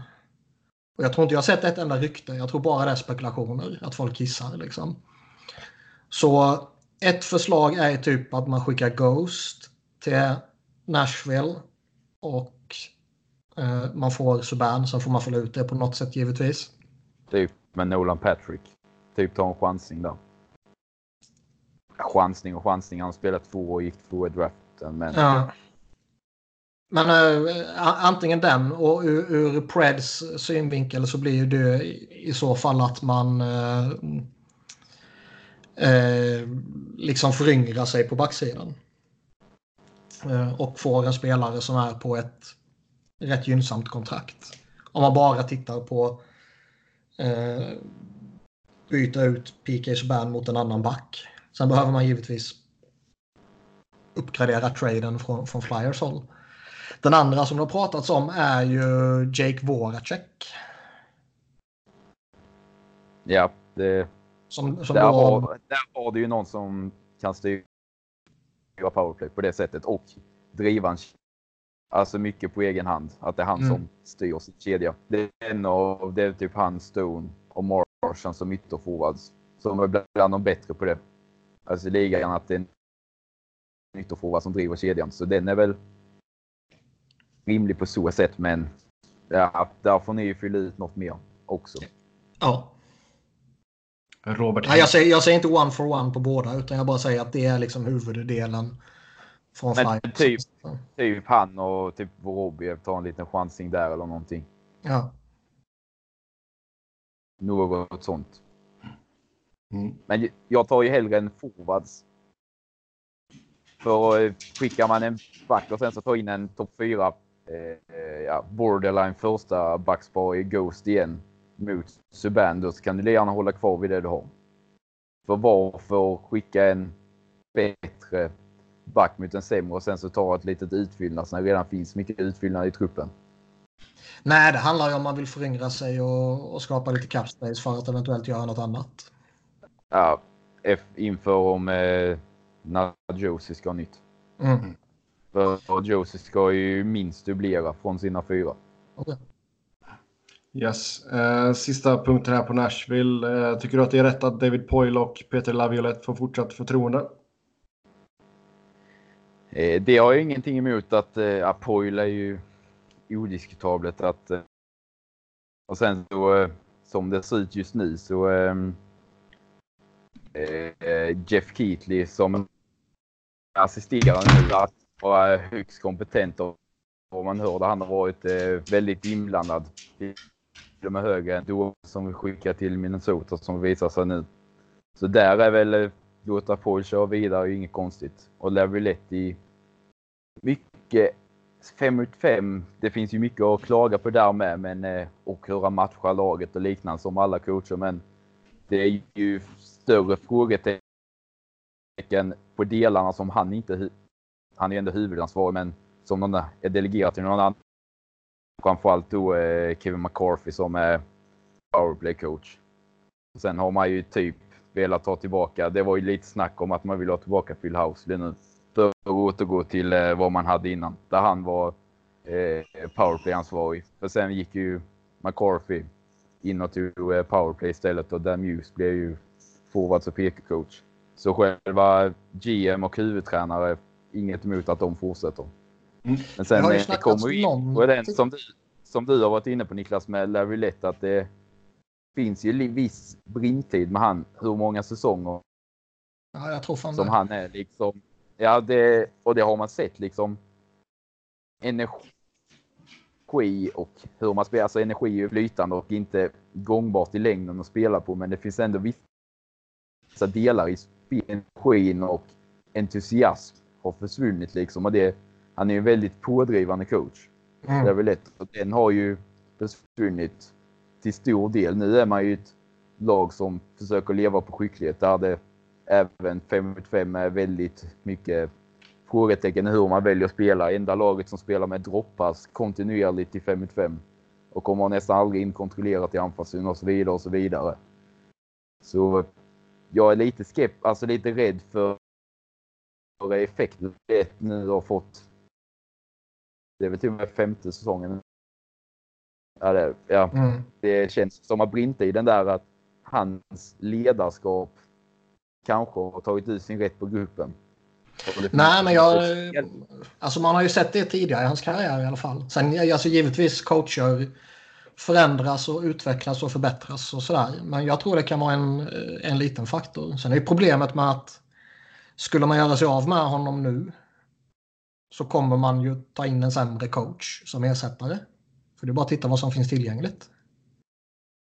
Ja, det, fin- alltså, det är ju fortfarande en toppcoach i ligan, tycker jag. Ja, jag. Men många av, många av coacherna är ju... Alltså bygger, han bygger ju väldigt, inte alls lika mycket som många av de andra toppcoacherna på alltså hur det ser ut. Alltså rent spelmässigt, vad som leder till framgång på sikt. Utan han är väldigt mycket mer energidrivande coach, liksom att vi vinner på inställning. Och den, eh, vad jag har fått för uppfattning för spelmässigt så var vi ju bättre strukturerade på alla sätt när vi hade Trots, ja då är han kanske NHLs bästa coach, men ändå. Mm. Det, så ja, jag är... Men ja, jag vill ju inte skicka honom för vi får ju in en sämre. Tror jag. Ja. Vad det nu skulle vara, om det satsar på typ en Dallas Eakins eller vad det kan vara. Eller försöka ta Sheldon Key från eh, Marlies eller något. Det har ju snackats lite om att jag tror det är Jim Hiller som är assisterande coach i Toronto. Ja, Att han är Det- på väg bort därifrån och att han är på väg till Nashville. För att han är skicklig på att styra ett PP. Ja, det, snacket har ju gått. Men tar man hellre det- Housey då som man känner sedan tidigare? Snacket går ju att man... Alltså, Nashville är ju speciellt på så sätt för det finns ju inget lag i NHL som haft den kontinuiteten, eh, varken på scouting-sida, på GM-post eller tränarpost. Någonsin har jag haft liksom två tränare genom tiderna. Då så går man ju på Housely. Fan köper ju... Med Hill är ju skitsnacket att han vill ha en, vad som skrivs i Nashville, för att han vill ha vara huvud. Och man verkar väldigt rädda för att gå på en icke prövad huvudtränare redan. Och, och därför vill man väl ha tillbaka Housey för han köper och tar en askroll igen i Nashville. Mm. För att bygga upp sig, för han vet att han får ett headcoach-jobb nu. Mm. Och han, han är säker och, och bra renommé och rykte efter sina tid i Nashville typ. Och Larry Lett verkar ha haft ett bra samarbete. Mm. Så det är väl typ skicka McCarthy, ge Housley eh, alltså powerplay-ansvaret igen och ta ner eh, Muse på att han får eh, PK. För McCarthy är ju ändå Laviolettes eh, snubbe. Ja. Han var med honom Eh. i Carolina och han var med honom i, i Flyers. Ja, det är det som är känsligt. Det, som McCarthy sitter ju ganska säkert känns som. Det känns För som det. Alla headcoaches har ju ofta en av sina assisterande som man alltid tar med sig. Mm. Sett. Den andra eller om man har två extra, alltså känns lite mer flytande. Men alla har ju någon som de drar med sig liksom. Där du har en säkerhet i vad du får av han. Mm. Han har jobbat med House i två år, han har jobbat med Muse i två år. Och det är ju uppenbart att de delar som McCarthy har är ju de som inte fungerar i högst utsträckning. Men det är ändå känsligt som du säger i och med att det är Lavilets gubbe. Yes. De kamperat ihop i, det hade väl närmast snart 20 år, ja 15 i alla fall i NHL. Mm. Ja, då tar vi och glider in på lyssnarfrågorna. Tack till er som har skrivit in. Först ut, Hughes eller Gacko. Vem tar man som etta? Jack Hughes. Jag tror fortfarande Hughes har en fördel i att han är en center. Även om man inte ska drafta ut efter position så tror jag ändå att det fortfarande påverkar supermycket. Om du står och väljer mellan en winger eller en center. Och då tror jag att båda två kommer bli ungefär lika bra. Och sen har du ju att eh, Hughes tränar ju med eh, Taylor Hall på sommarna. Mm. Det är väl också en, eh, i och med att Taylor Hall närmar sig free agent. Ja. Om sånt kan spela in. I och med att de är så jämbördiga så kan ju sådana värden spela in kanske. Nej men det tror jag. Alltså, ko- kolla på, på Flyers. Bara de tradar till sig Cam Talbot för att testa han. Bara för att han är polare med Carter Hart sedan tidigare. Liksom. Ja, och, och vad gjorde New Jersey? De tradade väl till sig Mirko Müller innan de tog Nicky Hischier. Mm. För att få en schweizare liksom. Sånt ska nu inte underskattas i vem du väljer. Nej, jag tror det kan Men- påverka. Helt klart. sen är ju, så Kaku är ju... Båda två driver ju spelet, men de driver på olika sätt. Hughes är ju pucktransportör genom mittzon, typ Kuznetsov där alltså helt omöjlig att få stopp när han kommer genom mittzon. Men Kako är ju extremt stark på pucken. Men Hughes uppsida känns väl ändå lite större. Det känns, Kako är ju mer man och 100% i vad han kommer att bli som spelare. Mm.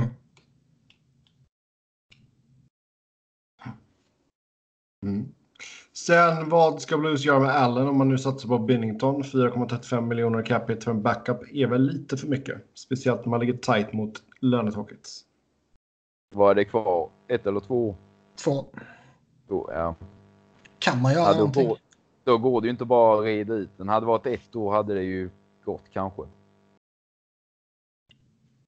Känns det inte som att man bara får ta det? Jo, men eh, samtidigt är det väl, eh, ja. Nästa sommar Peter Angelo ska ha nytt och då sitter du med en backup på 4,5 miljoner. Kan ju köpa ut honom. ja, men Hur mycket ska Binnington upp på i frågan också? Ja, jag vet fan. alltså det, han är ju inte, det är ju inte som Carter Hart där du liksom, hade Carter Hart varit utgående nu i sommar hade det ju fått säga, där vet vi vad Binnington var ju liksom fjärde målvakt i organisationen innan. Har ju inte haft supersiffror var han än spelat innan. Nej, han är redan 25 bast. Ja, det... En fluk kanske inte vara så här länge, men eh, ja. Fast gjorde det typ för Hammond. Ja. Sen är det ju målvakter är ju helt omöjligt. Det känns ju som att eh, är man Blues vill man ju signa honom på ett eller två år. Och, och liksom här har du ett kort kontrakt. Du får några miljoner på det här kontraktet så att du ändå har en, en solid bas att stå på.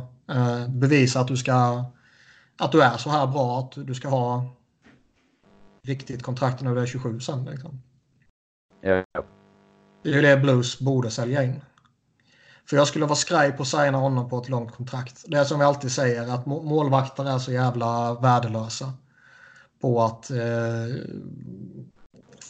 kunna förutspå saker liksom. Eh, och det går upp och ner hela tiden och jag skulle inte vilja satsa på honom long term. Samtidigt är det alltså. Samtidigt gör, säger man signa 5-6 års kontrakt med honom på 4 miljoner att han går med på något sånt bara för att han säkrar sin framtid vad som än händer. Jag, jag tror man skulle kunna signa honom på ett sånt kontrakt. Mm. Och, sen, och så är han så här bra. Då är det superfynd. Ja, och sen är ju målvakt, alltså det finns ju målvakter du ser som är inte hållbart i längden i spelstil. Där det är väldigt fladdrigt, inte kontrollerat, men han är ju väldigt skolad så där. Det känns som att han kommer ha en jämn nivå relativt igenom, men eh, denna höjden kanske inte kommer nås igen. Nej, det ska nog mycket till alltså. Jag, ja, men jag säger nog hellre en målvakt likt han, där det finns en stabilitet i spelet hela tiden, än någon, kanske inte Quick är bästa exempel, men en sån målvaktstyp som inte mm. så är eh, skolad. Där det går klart med upp ner match till match och även i några längre perioder. Mm. Sen vad ska Oilers ta sig till med Lucic och dens kontrakt? Vi snackade lite om honom innan, men alltså, antingen är det väl att du kan trada honom mot ett, ja, ett annat dåligt kontrakt som kanske är lite kortare. Um, det är bara att byta skräp mot skräp i bästa fall känns det som. Ja. Känns det lite så. Um, vilken back tror ni är nummer ett för Leaves att få in? Är det värt för Leaves att eh, gå all in på Karlsson och låta någon offershita med honom? Vilket jävla ramaskri det skulle bli. Men samtidigt har vi Karlsson sagt, inte rätt ut, men att Leaves är väl typ. Det var något när han skulle trada. Det var Leaves. Kändes ju inte som ett alternativ i respekt till Ottawa eller någonting. Äh, men det ska man väl egentligen skita i. Ja, det kanske man ska göra, men jag tror ändå han har respekt för supportrarna. Jag tror han skiter ja. fullständigt i Melnik och, och, och, allt vad det innebär. Men uh, det kanske jag kan tänka mig. Sen tror jag väl att... Men Ja, vi var inne på... Marner kommer de ju signa. Det är i så fall Nylander de tradar. Ja. Men det finns ju väldigt eh, mycket unga backar. Både Liljegren och Sandin liksom som... Ja, det kan ju ta ett år eller blir det aldrig någonting. Men... Eh, eller så tar det en månad. Ja, exakt. Då är det liksom Spurgeon då får de ju alltså trada för honom med ett år. Och sen har inte någon av de andra blivit något så liksom har du kvar han men då får du testa han ett år och då kan du se han som en rental. Och så går både han och Massin ut nästa sommar så får du göra något av det. Mm. Om inte någon av kidsen har tagit kliv. För jag skulle ju tveksamt om någon av free agentsen lägger upp 5-6 år. Vet jag inte om Livs är i position till att göra. Nej, ja, jag håller med. Nikita Zaitsev kontrakt ser inte jätteroligt ut. För då har man ju ett år kvar på eh, Spurgeon och Massim. Och så finns ja. det fyra talangfulla unga backar som kan ta klivet. Och, och rimligheten är ganska stor att någon av dem är en NHL-back när 2021-säsongen börjar. Mm. Yes, sen har vi eh, er, era topp fem på UFA-marknaden. Ja. Ja, vi, vi kan bara ta den med Livs Nashville Sport. Vi har ju lagt upp något att eh, Ryan Ellis mot eh, Nylander. Okej. Som är rimligt och bra för Nashville att göra. Sen vet jag ju inte vad Nylander är värd mer än Ellis. Men det är enda spekulationer som Ellis har nämnts i att det är han som ska offras av backarna. Ja. Offrar du hellre han eller Subban? Ja, jag är ju... Ellis är ju, ja det är ju min eh, kille liksom. Så eh, ja, det är ju VM, men eh, jag har ju hellre kvar Ben sportsligt. Och Ellis Mm. kontrakt nya är jag ganska skeptisk till. Men sen är det man tradar ju inte en spelare som vars nya kontrakt kickar in. Som Ellis gör nu i sommar. Nej, det är lite Det småfult. ser man ju nästan aldrig. Mm. Ah, kan kan man ju alltid. Jo, jo. Ja, men det är eh, ju... Jo, Ja, det är klart att det David inte är snyggt. Ja, David Poyle verkar ju inte vara den mest liksom att tänka på så. Det är ju sportslig framgång. Annars Mm. skickar ju inte din kapten liksom och så. Som varit största spelaren i klubbens historia. Mm. Mm. Ja, våran topp fem då på eh, Free Agency. Eh, om vi förutsätter då att alla når Free Agency. Eh, Man kan nog förutsätta att Bobrovski når free agency. ja, Det Bob... tog typ två timmar från det att de blev utslagna till att han la upp sin lägenhet i Columbus. Eller i... Ja, och försäljning, till försäljning. Yes. Eh, Bob, absolut, är med på topp fem. Jag tycker Panarin är med på en topp fem. Duchene är med, Karlsson. är med på en topp fem. Erik Karlsson är med på en topp fem. Och sen blir det kanske lite mer... Eh, är det... Sen är det väl lite mer av en smaksak, ja. Ja, är det Hayes? Alltså Skinner ska väl... Alltså 40 baljer går inte riktigt att snacka bort liksom. Nej. Det finns ju, alltså där under är ju ett skikt med ganska många.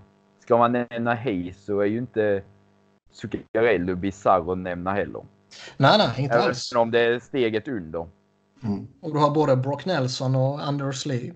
Och Eberle. Mm. Webberle. Pavelski ju- kommer ju stanna i Sharks ju. Ja, och en 35-åring är väl inte... Rent spelmässigt är det ju jäkligt attraktivt, men eh, åldern talar väl emot. Jo. Men det är ju fyra stycken elitspelare. Skulle man kunna säga. Det är klart tio spelare typ. Mm. Eh, ja, vi, eh, om vi är tvungna att ta en femte där så tycker jag ändå som Skinner faktiskt. Ja, jag är väl inne på det också. Ja, Mm. 40 mål är ändå 40 mål. Ja. Eh, ja. Med det så tar vi och säger tack och hej för den här gången. Som vanligt så kan ni köta hockey med oss via Twitter. Mig hittar ni på att Noren. Niklas hittar ni på att Niklas Wiberg. Max, stort tack för att du ville vara med oss. Vill man följa Max så är det Max. Är det en eller två underscores? Det är två underscores. Det är två stycken ja. Det är två underscores. Han försöker... Varför Ja, det? Och ja men det... eh, Ja. ja, det, det andra var redan upptaget. Jag fattar inte hur någon annan kan ha tagit XTHS. Okej, ja, exakt. Då är det alltså max och sen dubbla underscores och sen XTHS. För den eh, smeknamnet det kan ingen annan och jag fattar inte hur någon kan ha tagit det. Det är någon som kanske försöker identitetskapa dig kanske. Ja, det var ju ett fyll för att det är fem år sedan som skulle stava till mitt namn så blev det MAXTHS. Och sen har jag kallad för XTHS efter det. Snyggt. Yes. Tills nästa gång, ha det gött. Hej.